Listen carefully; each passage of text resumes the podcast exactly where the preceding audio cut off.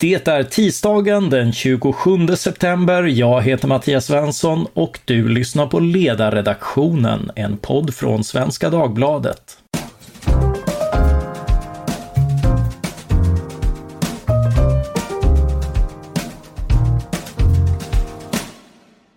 Dagens ämne är liberal nationalism, ämnet för en nyutkommen essä av statsvetaren Björn Östbring och jag har författaren med mig. Välkommen Björn!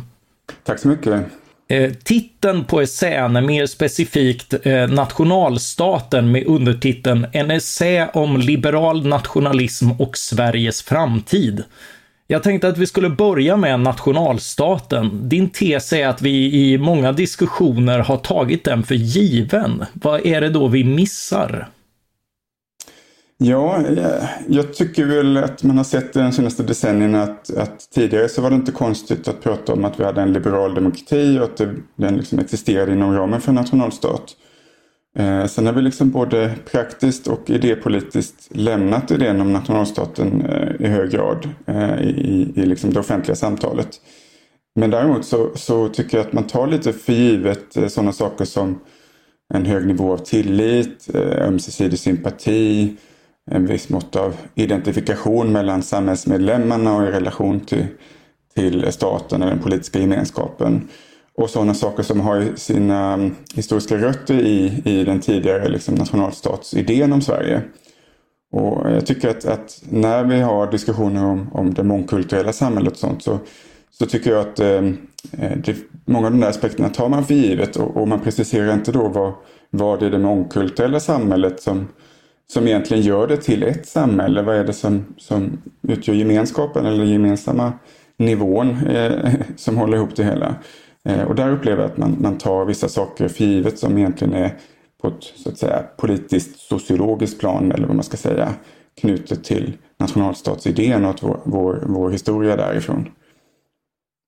Ja, vad är det är sånt som språk till exempel och, eh, och, och, för, förväntningar också. Vi eh, röstade för inte så många veckor sedan och, och man har en förväntan på hur det hur det fungerar och ska fungera och, och vad som händer därutöver. Och det är många som rent ideellt engagerar sig i att få den här mekanismen att funka. Är det den typen av att, att det inte bara är lagar utan, mm. utan någonting mer i som får oss att agera på ett smidigt sätt? Ja, precis. I boken så pratar jag då om, om, eh, om ett begrepp som man kan kalla då för, för samhällskultur som inte är det rent liksom, etniska med, med liksom, matkultur och högtider och så utan just det samhällsgemensamma eh, nivån av, av språk och sociala konventioner. Vissa, ja, eh, en historia, historiska referensramar som man eh, är, är, ganska allmänt kända och sådär. Eh, som, man då, som bildar ett slags offentlig kultur som man, som man delar och som inte då är, är etnisk. Eh, och det är den samhällskulturen eh, som jag pratar om och som jag tycker då bör betonas som en, en, en gemensam grund och att den på något sätt ehm, eh, för att liberala och demokratiska institutioner ska fungera så måste det liksom finnas en, en sån samhällskultur som understöder de institutionerna. Man kan inte vara för formalistisk så att säga att om vi bara sätter liksom, eh, lagstiftningen rätt och författningen rätt så kommer allting fungera utan liberala demokratier är, är fortfarande beroende av en samhällskultur som, som gör den eh, funktionsduglig. Så att säga. Ja, det här, är, det här är ju svårgreppbar materia, men du har en illustration tycker jag i din essä som, som illustrerar vad, vad du far efter lite grann. Ett, ett tankeexperiment att eh, vi skulle ha samma formella rättigheter som idag. Eh, men i ett tänkt större område som EU istället för Sverige, eller Norden för den delen. Eh, alltså samma formella rättigheter, samma rösträtt, samma eh, parlamentariska demokrati med maktskifte och allt det här som, eh, som vi tenderar att, att säga att det här är, är hela paketet. Men ändå skulle nog väldigt många inklusive jag själv, känna en, en skepsis mot en sån ordning och det är inget jag skulle välja hellre än, än den vi har idag. Man vill ha en, en närhet och relation till eh, till den makt man väljer som, eh, som jag inte skulle känna på samma sätt. Och det är det som får mig, fått mig att tveka inför, inför liksom många steg mot, mot överstatlighet för egen del, fast jag är för många av de värden man, man vill förverkliga på denna överstatliga nivå.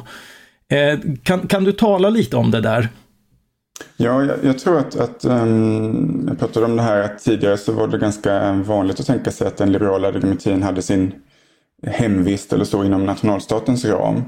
Men sen de senaste decennierna inom liksom de idépolitiska eh, debatterna och synsätten som kommer till uttryck så tycker jag att de här har börjat målas upp som, liksom, om inte direkt konflikt, så åtminstone att den liberala demokratin är, är självtillräcklig på ett visst sätt. Alltså att eh, legitimiteten för de demokratiska besluten är bara knutna till, till eh, liksom karaktären av att de är demokratiskt fattade så att säga.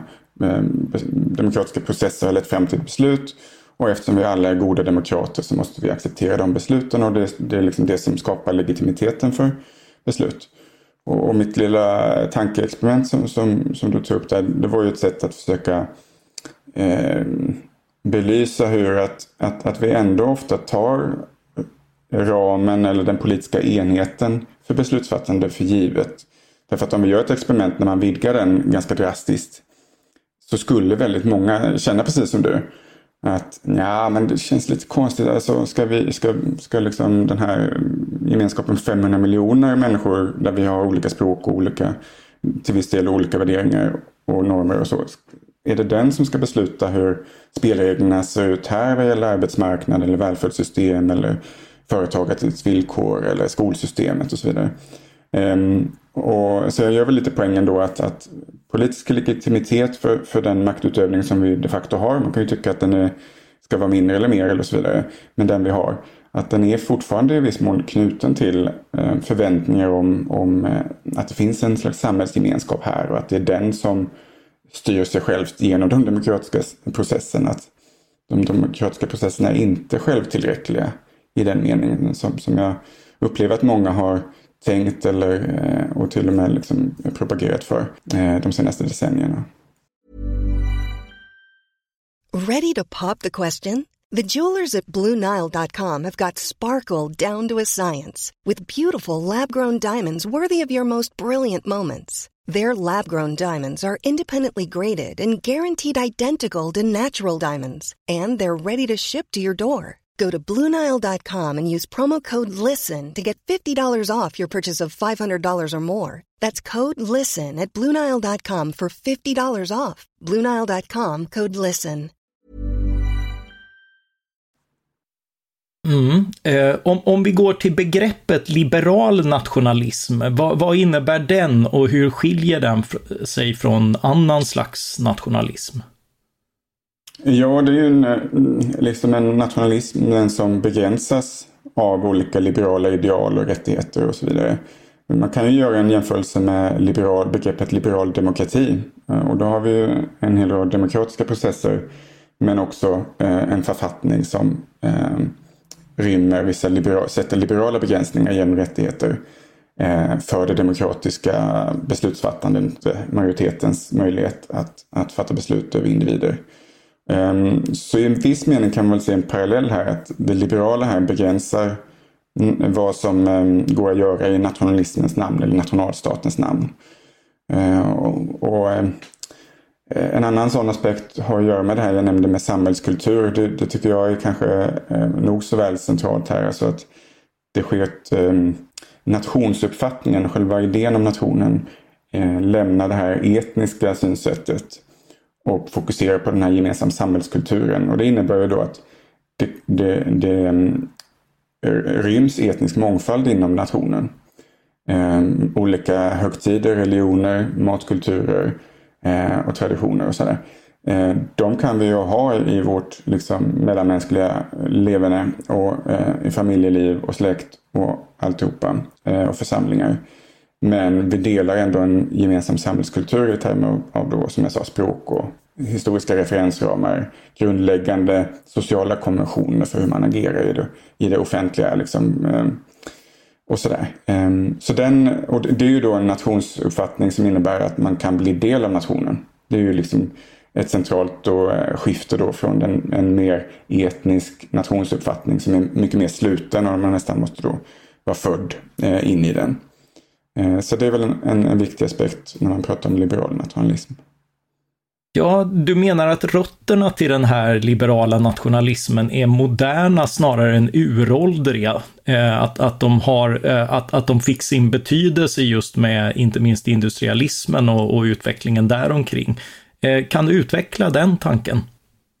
Ja, inom nationalismforskningen då, alltså bland samhällsvetare så finns det lite olika skolor. Men om man, om man renodlar det hela så pratar man ibland om modernister och primordiala eller eh, förmoderna eh, teori, teorier då. Alltså det vill säga man är oenig om hur gamla nationerna är. Eh, nationerna som företeelse så att säga. Och, och, och nationalismens natur så att säga. Och jag hör ju de som eh, sympatiserar med de här moderna teoretikerna. Det, det är framförallt Ernest Gellner men också en sån som eh, Benedict Anderson. Och de betonar ju då att eh, nationer och nationalism är företeelser som är, ehm, eh, blir mer framträdande i, i, i, eh, i samma veva som moderniteten växer fram så att säga. Det är ett brott mellan det förmoderna och moderna och nationalismen och nationalstater Eh, är intimt förknippade med det moderna samhällets framväxt. Och det går ju lite i clinch med hur, hur saker och ting ofta framställs i, i den politiska debatten upplever jag. Alltså att man, man har en bild av att eh, nationen och nationalismerna är, är förmoderna, nästan en slags önskedröm om en tillbakagång till något förmodernt samhälle och så vidare. Eh, men jag betonar då likt Ernest Gellner då bland annat att det är övergången till det här eh, massamhället, industriella samhället där samhälle och sociala relationer sker mellan i högre grad personligt obekanta individer. Ehm, det är kontraktsrelationer i väldigt mycket högre grad jämfört med det mer eh, traditions eh, och, hierarkiska samhället av, ja, av stånd och av eh, olika Eh, bygemenskaper och allting är, mycket mer hierarkiskt och fragmenterat jämfört med det moderna samhället som är mer flytande så att säga. Men också då, menar Gellner, får större behov av eh, att individerna delar en slags kultur som gör de här interaktionerna mellan människor eh, möjlig. Och det är det skedet som han menar att, att eh, den politiska nationalismen får ett uppsving. Det vill säga de mångkulturella europeiska imperierna då till exempel. Han skriver mycket om, om Östeuropa då. Ehm, I de staterna så blir det ju plötsligt då väldigt politiskt ehm, betydelsefullt om det är en stat som påtvingar ett annat språk och en annan kultur i, i övergången till det moderna. De här kultur, mm, språken och kulturgrupperna hade kanske kunnat leva eh, liksom bra i det mer traditionella samhället i, i, i det här liksom mångkulturella imperiet. Men när det blir den här övergången till ett gemensamt utbildningssystem och en gemensam marknad och så, då blir kultur mer betydelsefullt. Och det är det som är drivkraften till, till varför nationalistiska rörelser då eh, får betydligt mycket större uppslutning och blir politiskt betydelsefulla och sånt. Så det här är eh, behov som handlar om vår förmåga, inte liksom att, eh, alltså nödvändigtvis odla en egen art för sin egen skull, utan, utan för att göra oss eh, mer eh, alltså kapabla att samarbeta över, över större områden. Det är, det är den mm. kompetensen som tjänas av, eh, av den här sortens eh, nationalism med, ja. med liksom språk, utbildningssystem, förväntningar och liknande. Precis, så att, eh, äh, Geller menar ju då att, att äh, nationalister är så att säga, äh, alltså ideologiska nationalister är liksom, de bedrar sig själva, de bedrar, bedrar andra när de liksom målar upp den här liksom, romantiska föreställningen om nationen och, och så. Han ser det som ett slags ytfenomen som döljer den, liksom, det verkliga faktumen att, att det är just det, det moderna samhället som har ett, ett slags behov av den här gemensamma kulturen. Eh, så det är en slags um, ironi där som, som Bjellner pe pekar på. Ja, ja, det är lite av en dubbelironi när, eh, mm. när, när vi samtidigt eh, som, som gillar den typen av, av samarbeten mellan, eh, mellan människor och, och arbetsdelning och liknande det, kan, kan riskera att kasta ut det här med, med badvattnet. Ja, precis. Jo, men absolut. Man kan se det som från andra sidan håll, eh, andra sidan också och, och, och se det som en, en dubbelironi. Det var en bra, bra formulering. Ja, du tar utgångspunkt i såväl den legendariska publicisten och antinazisten Torgny Segerstedt som du menar blivit misstolkad i sentida meningsutbyten och hans son Torgny Tesson Segerstedt. Eh, vilka tankar bidrar de med till den liberala nationalismen menar du? Ja, jag, jag tyckte att Torgny Segerstedt var ett ganska talande exempel på, på den här poängen som jag vill göra att, att historiskt sett så har det inte upplevts som särskilt konfliktfyllt att förespråka både eh, liksom liberala samhällen och se dem som att de förverkligas inom nationalstatens ram så att säga. Så jag, jag påminner då om att, att Torgny Segerstedt eh, eh, som ju naturligtvis framhävs som den, den, stora antinazisten eh, han hade ju verkligen en nationell, vad jag kallar för en samhällsuppfattning. Alltså han upplever att samhället är konstitueras av en nation och nationen har i bästa fall en egen stat och, och det är värdefullt med den typen av eh, självbestämmande. Och det där ligger ju till grunden för mycket av hans kritik av, av eh, nazismen och att behovet av att stå upp för de demokratiska staterna. Så där går ju liksom den liberala demokratin och nationalstaten, försvaret för de två sakerna går ju hand i hand hos Segerstedt.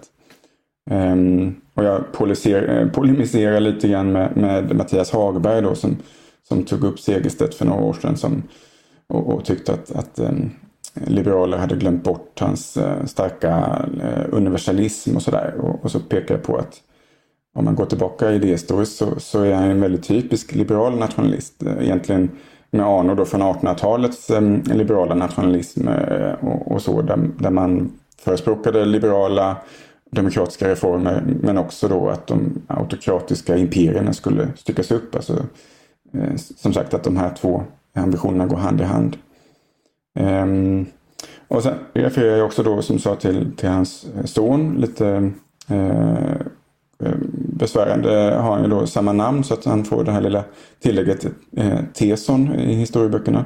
Eh, men han kom ut med en bok eh, som var väldigt intressant 1939 där han pekade på att, att eh, framgången för fascism och nazism och kommunism och sådär.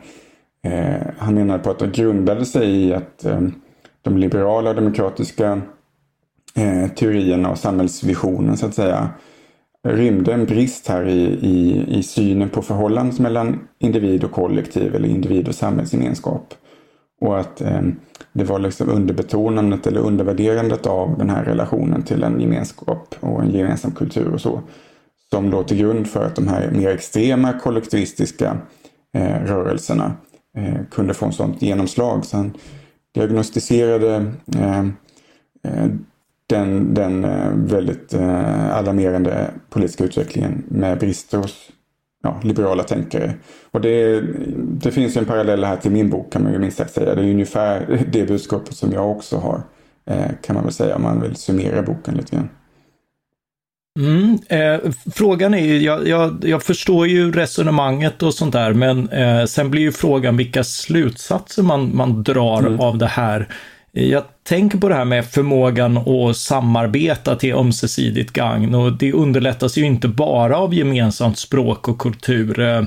Det finns till exempel frikyrkor som har internationella nätverk av affärsverksamhet som underlättas av att man tillhör samma församling och därför har en lägre tröskel för tillit och i viss mån gemensamma institutioner för ansvarsutkrävande om det skulle behövas. Borde inte religion ingå bland gemenskapsbanden snarare än att vara fri att välja med, med risk för uppslitande konflikter? Går det inte att göra väldigt många ar argument för, för vad som borde ingå? Mm. Jo, Alltså jag tror, det går det att göra. Man kan ju peta in eh, allt möjligt och, och, och, peka på att det är så att säga ett, ett nettobidrag till att ja, men då blir det väl kanske ännu lättare att samarbeta. Jag tror bara att man, eh, man, det är som alla frågor att man måste väga olika hänsynstagande eh, mot varandra. Och i det här fallet så upplever jag att, att um, vinsten av att så att säga prångla på en gemensam eh, religion eller sätta det som ett kriterium på, på, på inkludering eh, har inte några liksom, större nytta, eh, nytta i termer av liksom, ömsesidiga sympatier, tillit, samarbetsförmåga och så. Om man ser på nedsidan vilken, eh, att det är en mycket större eh, frihetsinskränkning så att säga att, att, att avkräva eh, en gemensam religion. Eller försöka mångla ut den, prångla ut den till, till alla. Så att, man kan ju ha mer principiella argument men för jag, jag tenderar att tänka de här ganska pragmatiska termerna av okej, okay, där sker det en förlust i frihet men en vinst i någonting annat. Vad, hur viktar vi dem? Ja, men då måste man bedöma lite storleken på effekterna i de olika sammanhangen. Eh, och så. Eh, och där tycker jag det är ganska tydligt att, att eh, jag upplever att, att de här positiva effekterna av, av samarbete uppnås primärt på annat håll. Eh, och frihetsinskränkningarna eller liksom slutenheten i, i, i nationsuppfattningen skulle bli radikalt mycket större om man, om man bakade in den. Eh, så det är, för mig är det den här liksom balansgången mellan, eh, som, som man hela tiden måste göra. Eh, vilka är vi och vilka är man här? Vem, vem ska mm. avgöra var gränsen går för, eh, för vad du får välja själv och inte? Ja, det, det, är ju det, det är ju lite av en, det är en jättebra fråga och det är ju en liten paradox. Men det är ju bara vi som samfund, så att säga, som politisk gemenskap som kan diskutera oss fram till de här gränserna. Ehm, och det ligger ju i linje med, med hur jag tänker eh, kring att vi trots allt är en politisk gemenskap och en social gemenskap. Och sen så dividerar vi oss fram kring vad gränsdragningarna mellan mellan vad som eh, liksom, ja, gemenskapens eh, rätt och anspråk och kontra individens rätt och anspråk. Och en liberal politisk kultur så viktar man ju ganska mycket åt individen. Um, så, och religionen kommer ju in i, då, i det aspekten då att individen måste vara, ha rätt att forma sin egen religion och hysa olika religiösa uppfattningar. Det är ju en, en given en liberal frihet. Um, så att, men eh, jag har liksom inga problem att prata om att det är vi som politisk gemenskap som drar de här, eh, gör de här avvägningarna och, har den här diskussionen om kollektiv och individ och var går gränsen och vilka anspråk kan man göra, vilka rättigheter ska vi stipulera i lag att individer har och sånt. Ehm, det tycker jag är liksom naturligt för en liberal politisk gemenskap att föra den typen av diskussioner. Jag tycker att det ofta är ett större problem hos vissa andra liberala tänkare som tänker oerhört principiellt och liksom man vet inte riktigt vad de har för utgångspunkt och vem är domare i det här fallet så att säga. Eh, att man liksom stipulerar en idealstat ovanifrån på ett annat sätt. Eh, ja, du, du har en, eh, en, en polemik där, där du menar att värnandet av nationalstaten kräver ett avkall på universalismen, särskilt vad gäller fri och rättigheter. Eh, om, om man tar då, vilka fri och rättigheter är det man inte fullt ut kan värna som liberal nationalist? Gäller det yttrandefrihet till exempel? Um, nej, det ser jag inte riktigt att det skulle komma in någon, någon särskild, uh, att det har någon implikation där direkt. Um, jag tänker mer att det handlar om att, um, man säger så här, liberala, den liberala ideologin och så fokuserar framförallt på frihet och jämlikhet. Inte så jättemycket på gemenskap och samhörighet. Och de här värdena, jämlikhet och frihet, går att dra ut, alltså de är liksom universalistiska um, i någon mening, eller liberala utgår från det och vill, vill liksom vidga dess applicering eller vad man ska säga. Uh, och en liberal nationalist säger nog egentligen bara att Ja, men vi måste balansera det där, ambitionen att liksom betrakta dem som helt universella eller universellt tillämpbara. Liksom, eh, mot behovet av att vi faktiskt är en liberal samhällsgemenskap och det finns andra behov här. Det finns ett behov av samhörighet, identifikation och så vidare. Så att om vi anammar den där frihetstanken i eh, migrations och medborgarskapspolitik till exempel. Så att vi liksom öppnar upp den politiska gemenskapen och bara betraktar Sverige som ett slags territorium och sen så har vi en formell ram politisk och sådär. Eh, det är väl den typen av tänkande som där jag säger att men här måste här, här kommer liberala nationalister och säger nej men nu, nu måste liksom vi begränsa den typen av liberalism vill jag begränsa lite grann, eller den tendensen hos liberalismen. Precis som då liberalismen begränsar eh, liksom vad en renodlad nationalism, vilken riktning den kanske skulle gå så tycker jag då att eh, ett visst mått av hänsyn till nationalstaten eller nationella identitet och så eh, kan begränsa liberalismens kanske då inneboende universalistiska dragning eller så.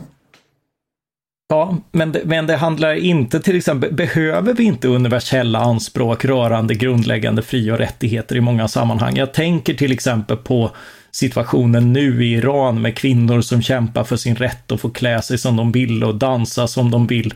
Eh, är, är det inte i just de universella anspråken på mänsklig värdighet och, och, och fri och rättigheter som borde gälla alla som, som styr vår sympati i sådana fall? Um, ja, jag har inga problem att, att, tycka, alltså, att sympatisera med andra som driver liksom, kampen för liberala fri och rättigheter i andra kontexter. Det tycker jag är helt naturligt att man som liberal eh, gläds över det och att man liksom tror och tycker att, att eh, de här institutionerna och rättigheterna som liberala stater eh, har är eh, värdefulla för människor. För möjligheten att leva goda liv eh, och, och materiellt välstånd och andlig frihet och alltihopa.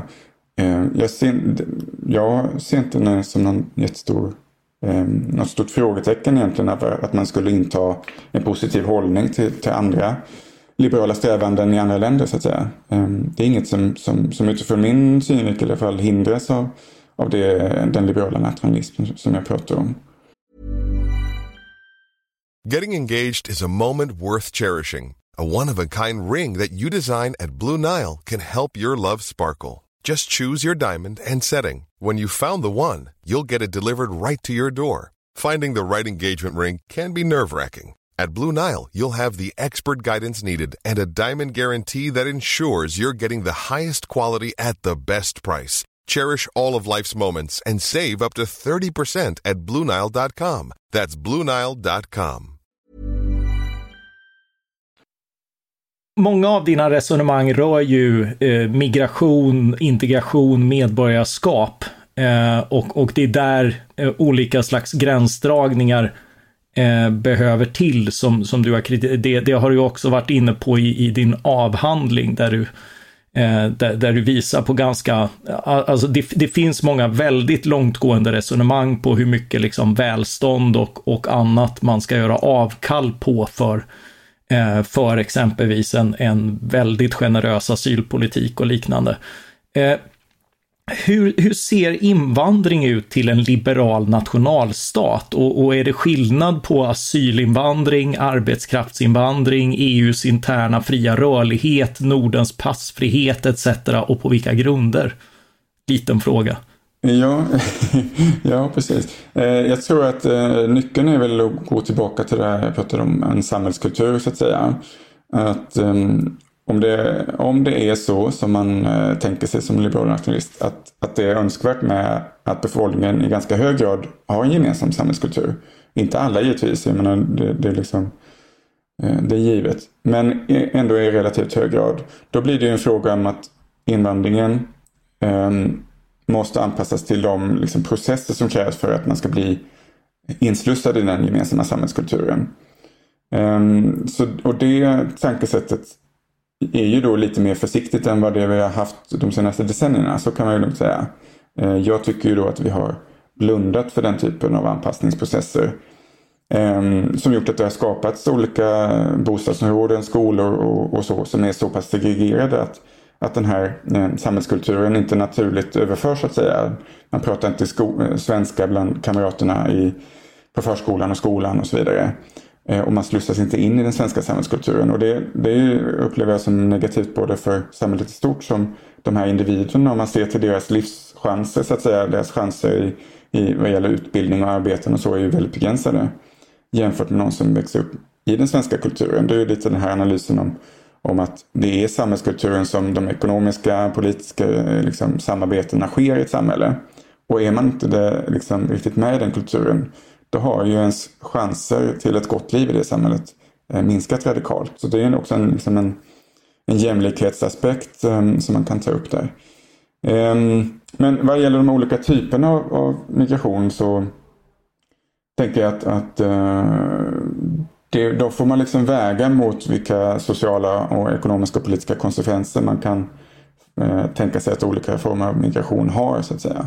Och ingen av det, är, liksom, det beror ju på liksom, utbildningsgrad, vad det är för typ av länder man kommer ifrån. Ehm, och eh, avstånd i språk och kultur och sådana saker. Allt det har, påverkar ju hur, en, hur stor en given mängd ehm, eh, migration får för konsekvenser i ett land.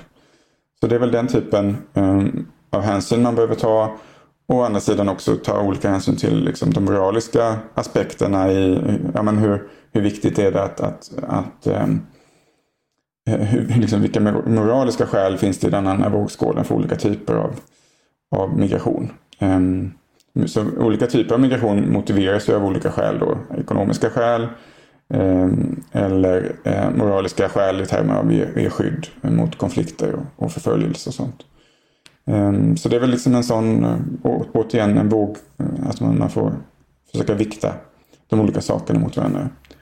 Ja, och jag tänker att de aspekter du tar upp här hjälper oss kanske lite grann att, att vikta varför det ena är, är eh, var, varför vi viktar de här kategorierna väldigt olika. Alltså, mm. det, väldigt få har invänt mot passfriheten i Norden till exempel. Mm. Eh, och, och liksom även, även rörlighet inom EU blir ju lätt liksom den här 10 000 tyska bögar-varianten mm. av, av, ja. av kritik, medan däremot eh, den, den omfattning på asylmottagande, inte minst som vi har haft på senare år, eh, från, från länder utanför Europa, har inneburit andra svårigheter som du tar upp, att, att komma in i det svenska samhället. Mm.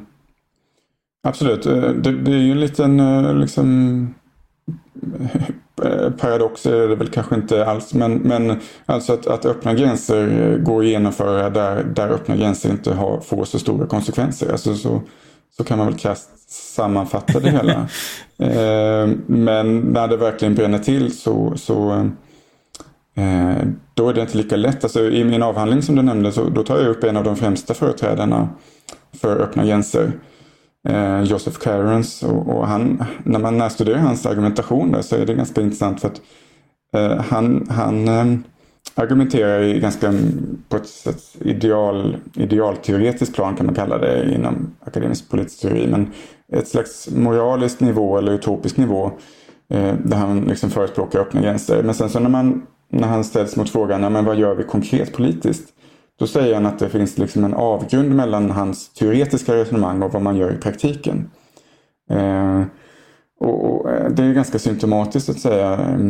Eh, för han menar ju då på att det kanske allra bästa är att, att utjämna livschanser och livsvillkor i världen.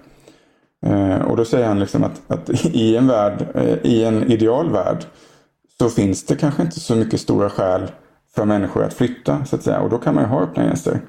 Det är en, det är en väldigt eh, det är en liten eh, paradox där för att han skriver, han är så oerhört känd för det här försvaret för öppna gränser men när det kommer till det konkreta så är han liksom benägen att tänka på att det, det, det viktigaste är kanske att, att utjämna livsvillkor i världen snarare än att öppna gränser. Det är inte det man ska göra i första hand. Eh, och något liknande finns faktiskt hos John Rawls. Eh, när han resonerade om Eh, vad han kallar för en realistisk utopi. Det vill säga att vi tar världen ungefär som den är idag. Eh, men tänk oss den bästa versionen av det. Då skulle han säga att ja, men då lever de flesta folken som han kallar det. Hans bok kallas The Law, of Peoples. lever lever liksom relativt välstånd och välfungerande politiska institutioner. Och då säger han i den här realistiska utopin då, det är hans begrepp. Då försvinner migrations frågan som en, som en liksom politiskt teoretisk och politiskt aktuell fråga. Därför att i den här ideala världen så är det liksom det är inte så många som vill flytta. De flesta känner sig hemma i sitt land och det är rent liksom idiosynkratiska skäl, kanske kärleksrelationer och så. Men då är det på en sån obetydlig nivå så att han menar att, att migrationen som ett seriöst problem försvinner. Liksom. Eh, mm. Det, det, är lite, det är lite udda. Men... Eh. Ja, ja fast, fast det, det stämmer ju till viss del. Liksom. Eller, mm. eller, jag menar, det är väldigt många, jag menar inte minst svenskar, flyttar ut och lever stora delar av, av, av sina liv i, i någon annan del av världen. Och, och andra, andra kommer hit och ofta är det inte ett problem. Och när mm. det är ett problem så är det ju för att, alltså, för att uttrycka sig krasst, de ideala villkoren inte är uppfyllda. Hela mm. asyllagstiftningen handlar ju, vilket det, det, har funnits missförstånd från alla håll om att, om att det, det är väldigt få som förespråkar fri asyl till alla. Mm. Eh, utan det är ju liksom en, en väldigt, eh, en prövning men också en, en nödlagstiftning för, mm. för, för, när du måste undan. Ja. Eh, så, så då, då är det väl nästan ofrånkomligt att det blir problematiskt och jobbigt eftersom den är skapad för den typen mm. av situationer. Mm, absolut, jag tycker att, att det har funnits många missuppfattningar om, om asylrätten. Alltså, som du säger, det är en slags nödlagstiftning. Men sen har den nästan blivit som en slags en, en Ja, en, en, en, väg in till permanent migration. Eh, och egentligen när man ser till hur det var tänkt, i alla fall så som jag har uppfattat det, så Eh, så är det liksom kvotflyktingsystemet som borde i högre grad vara vår väg in som permanent migration. Och asylrätten är ju en nödlagstiftning som du säger. Alltså, I nödsituationer i närområdet så måste vi ha en, en ventil ut så att människor får hjälp. Liksom. Men det är inte primära, det primära sättet för permanent migration med, med permanenta uppehållstillstånd och, och snabb väg till medborgarskap. För det är liksom ett sätt att Ja, det, det är inte riktigt välbalanserat det internationella systemet på det sättet upplever jag. Nej, där finns, där finns mycket att göra och frågan är om det ens går att, att lösa ut den ekvationen mm. på något riktigt bra sätt. Eh, jag tänkte vi skulle vidare i, eh, i din, ditt resonemang. Du har ett resonemang i din bok, vi har varit inne på det, där du ställer sociologiska liberaler mot principiella liberaler. Eh, var i ligger konflikten där? Um, jag, jag upplever att det finns lite, vad ska man säga, lite kanske intellektuell, en form av intellektuell läggning. Eh, de kan se olika läger. Eh, där vissa då tänker sig mer att, att, att om vi bara upprätthåller de liberala principerna och lagfäster dem och så vidare. Eh, det är det som liksom allt liberalt praxis och politiskt arbete ska inrikta sig mot. Och sen finns det en viss typ av, av um, och om man tänker så, eh, då, då blir liksom varje form av frihetsinskränkning blir liksom automatiskt någonting som måste bort så att säga. Sen finns det de som är lite mer vad jag kallar då och, och eh, sociologiska liberaler. Det, är egentligen en, det kommer från David Miller som är en, en, en politisk teoretiker. Eh, där man är mer intresserad av att tänka sociologiskt. Vad händer eh, om vi reglerar någonting på det ena eller andra sättet? Ehm, blir kulturen som sådan mer liberal? Upprätthåll, är det en kultur som möjliggör att man upprätthåller liberala institutioner? Ehm, så man tänker lite mer liksom sociologiskt då kring, kring vad som krävs för att liberala och demokratiska institutioner ska fungera. Det är inte bara en princip som, som liksom formellt sett ska få genomslag och sen så eh, struntar man i, i konsekvenserna. Och det är, de här sociologiska liberalerna de, de tenderar att tänka på de principiella liberalerna som att de riskerar att göra självmål så att säga. Att undergräva liberala institutioner i, i långa loppet om man inte då tittar på vad konsekvenserna av, av olika policies blir. Ja, det, jag, jag tycker samt, jag får ju ofta, efter, eftersom jag hänvisar till principer emellanåt, så mm. får man ju ofta, jag tycker inte minst att det antas då liksom att, eh, ja, om, om du har principer så har du inte tittat på empirin. Mm. Eh, så jag kan tycka att det blir, det blir lite drygt ibland, för jag tror mm. att de allra flesta har både en ideologisk övertygelse som vilar, vilar på både praktiska och teoretiska mm. skäl.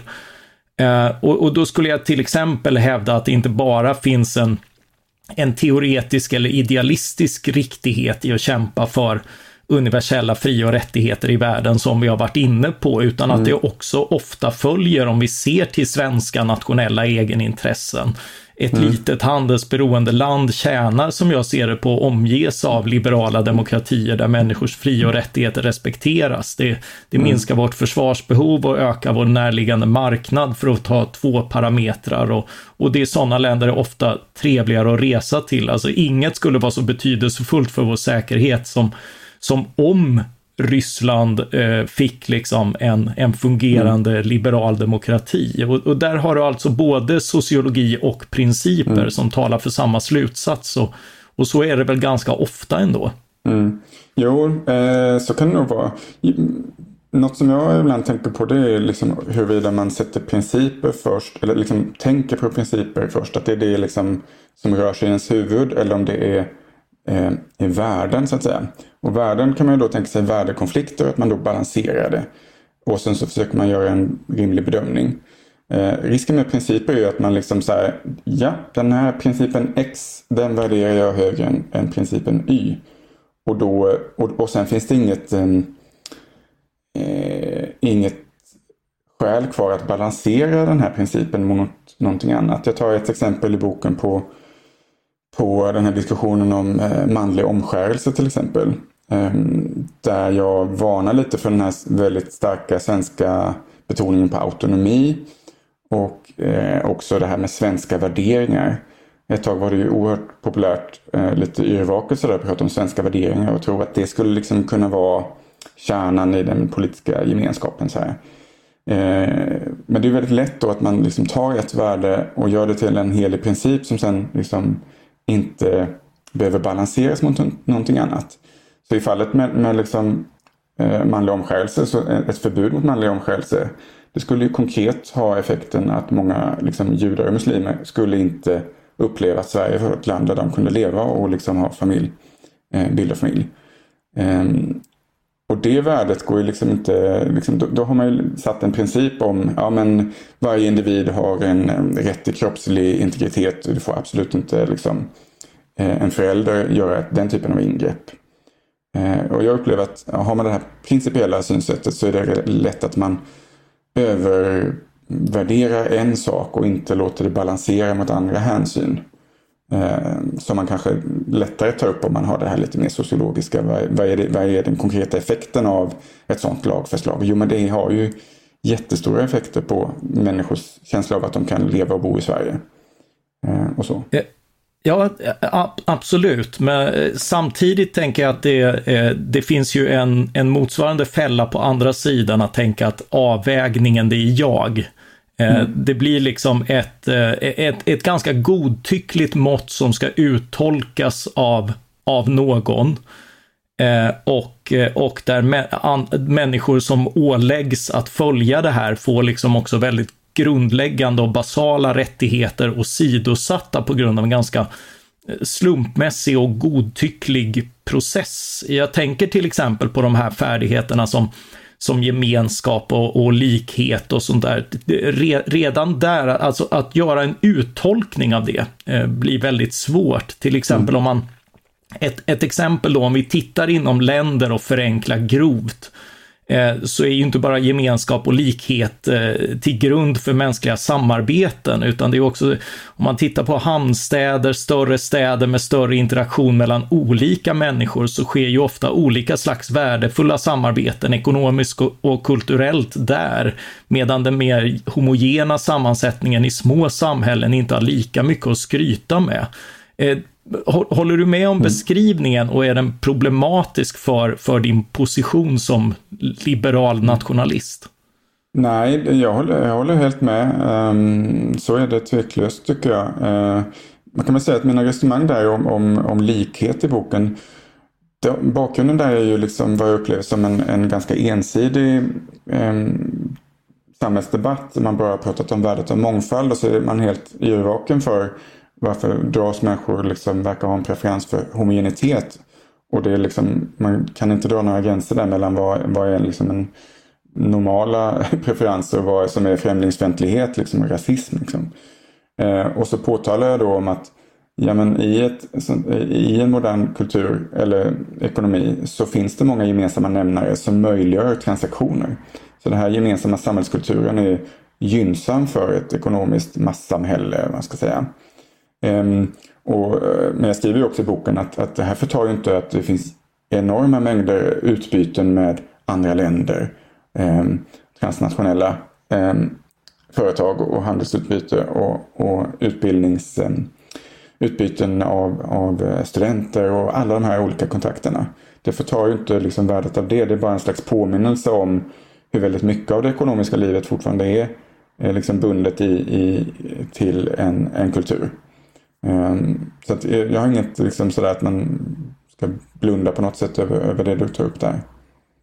Uh, nej, jag, jag, ty jag, tycker du gör en, en föredömlig argumentation för, för liksom ditt, uh, ditt valda tvåfrontskrig uh, mm. och, och de spänningar som, som kommer däremellan. Eh, en, en sak, jag, jag är dock bekymrad över att det skulle kunna landa i just en sån här lite politisk konstruktivism där, där, där någon sätter sig och, och, och tvärsäkert landar i, i olika frihetsinskränkningar för att man eh, kulturen eller, eller något, något diffust värde kräver det. Eh, en, en sak är, i anglosaxiska länder så skiljer man ofta på patriotism och nationalism. Och en av de åtskillnader man gör som jag ser det är att patriotismen växer underifrån i det enskilda medborgarskapet via samhörigheten man känner med andra. Medan nationalismen primärt orienterar sig från staten och ner, ofta utifrån majoritetsbefolkningens påstådda och faktiska anspråk och, och föreställningar. Eh, och en skillnad är att för, för, patrioten kan stor frihet ses som en eh, tillgång för landet och för världen och vara en viktig källa till, till stolthet. Där finns till exempel Thomas Paine och, och andra. Eh, men även för din liberala nationalism tycker jag att friheten snabbt blir problemet, det som måste inskränkas i namn av önskvärda resultat. Är det en rimlig beskrivning och vad skulle ditt svar vara om jag sa att det önskvärda snarare är liberal patriotism? Ja, alltså mm, jag förstår vad du menar med den här liksom underifrån eh, känslorna som, och, och kontra de liksom, ovanifrån pådyvlade så. Eh, jag, jag, kan inte se att, att, eh, att termerna patriotism, nationalism liksom är särskilt användbara eller liksom att deras mening är särskilt knutna till, till den distinktionen. Så att, eh, patriotism, eh, om man ska vara lite så politisk filosofisk, är en relation mellan individ till den politiska gemenskapen, staten eller så. Eh, och en, en, känsla av lojalitet och identifikation och sådär. Medan statens karaktär så att säga kan vara av alla möjliga slag. Så man kan tänka sig patriotism då i antika stadsstater eller man kan vara eh, patriot i förhållande till ett imperium eller vad som helst. Medan nationalism och nationalstaten, det är en idé om en specifik typ av stat. Det vill säga en stat där det finns en, där befolkningen är del av en social gemenskap, en samhällsgemenskap. Och att staten är så att säga ett, eh, ett ramverk och en, eh, ett verktyg eller någonting för den här befolkningens självbestämmande på något sätt. Så det är en typ av statsbildning kan man säga. Ehm, men jag förstår ju precis vad du menar och jag håller med om att alltså varje gång nationsbyggande och så blir ett politiskt projekt så finns det en jättestor risk att det pådyvlas alldeles för hårdhänt och korkat och på alla möjliga sätt. Ehm, så jag, när jag liksom slår slag för, för, att vi behöver göra en riktningsförändring så, så brukar jag vara väldigt noga med att påtala att, att Eh, vi måste vara liksom eh, väldigt långsiktiga hur vi tänker. Så du gör en riktningsförändring och börjar tänka lite mer hur vi, hur vi får ihop ett samhälle här. Utan att vi liksom lite yrvaket eh, gör massa korkade saker och intar policies som, som, som kommer så misstro eller antagonism och, och spä på sociala motsättningar. Så att i, i, i mitt drömscenario hade vi liksom inte befunnit oss där vi gör nu. Utan jag, alltså, jag hade gärna sett att min bok hade liksom kommit ut för 20 år sedan och vi hade liksom fört en annan politik de två senaste decennierna och då hade vi liksom inte haft ett sånt ansträngt läge som vi har. Men givet att vi är där vi är så, så tycker jag att det här liksom långa tidsperspektivet måste man ha, eh, ha i så fall. Så att man inte försöker göra för mycket på för kort tid och, och det blir korkat och det genererar motsättningar och så. Eh, så att eh, jag försöker väl vara eh, liksom, ehm, slå ett slag för, för viss försiktighet här. Även om jag då tycker att det är angeläget att vi börjar tänka om kring behovet av samhällsgemenskap och det gemensamma språket och, och, och så. Mm. Ja, det tycker jag var en, eh, en, en mycket bra sammanfattning. Jag tycker du, du gör ett bra jobb i din bok. Jag tänkte bara avslutningsvis be dig att vara lite, lite kortsiktig och samtida med frågan vilka reformer från en tillträdande regering skulle ta oss närmare den liberala nationalism du förespråkar? Ja, alltså, vi har ju förlorat liksom, eh, många gemensamma institutioner i, på det planet. Alltså folk, eh, det är inte så vanligt att göra värnplikt. Eh, skolsystemet är uppluckrat och, och, och, och så. Så att, eh, jag skulle väl eh, slå ett slag för, för, den typen av institutioner. Eh, att uppvärdera dem eh, och försöka vara lite smartare. Inte att alla behöver göra militärtjänst med någon form av civilplikt eller så. Jag vet att du är inget fan av det Mattias. Men, eh, men eh, Nej, det är, det är precis sånt jag varnar för. ja, okej, okay, men jag tycker inte det, det kvalar inte in på de här dumma sakerna. Men där har vi olika ståndpunkter då helt enkelt. Um, nej, men, eh, så det är väl den typen av nationsbyggande policy. Och sen så är det då migrationspolitiken som vi har fortfarande ganska omfattande migration. Även om det är många som, som inte tror det. Och där tror jag att, att vi över ganska lång tid behöver ha en en större försiktighet för att vi har jättestora utmaningar med segregation och, och börja få, få människor som är till och med födda här att, att faktiskt födas, liksom växa upp i, i en kultur eh, som är den svenska samhällskulturen och kunna bli, bli, bli liksom fullvärdiga samhällsmedlemmar och kunna ta del av liksom utbildningsmöjligheter, arbetsmarknaden och så. Vi, vi liksom, det är en generation här som, som har väldiga problem att, att ta sig fram i samhället. Och det, jag åtminstone ser ju, ser ju det som orsaken till problemen med, med kriminaliteten. Alltså att det grundar sig i den typen av sociala problem med exkludering och, och, och otillräckliga möjligheter att faktiskt komma in i samhället. Um, så det är, väl det, det är väl så jag tänker kring, kring det praktiska. Om ja, jag var så ju, praktisk, ja. det var väldigt generellt igen tänker jag. Men, ja, det jo, är jo, nej, men du, du tar... synder så att säga. Ja, ja du, nej, men du tar ju definitivt upp eh, ambitioner som, eh, som jag delar, även om vi, vi landar olika i, de, i vägarna dit på vissa håll. Eh, tack så mycket Björn Östbring, statsvetare och författare till att säga nationalstaten, för att du var med oss idag. Tack så mycket Mattias. Tack också till alla er som har lyssnat. Känner ni stolthet över att Sverige rymmer diskussioner som denna och vill dela med er av denna känsla? Eller är det tvärtom så att ni önskar mäla ut er från en sån gemenskap med välriktad kritik eller önskemål om något annat? Mejla till ledarsidan svd.se. Ledarsidan svd.se. Producent för det här avsnittet var Jesper Sandström. Jag heter Mattias Svensson och jag hoppas att vi snart hörs igen. Tack för den här gången.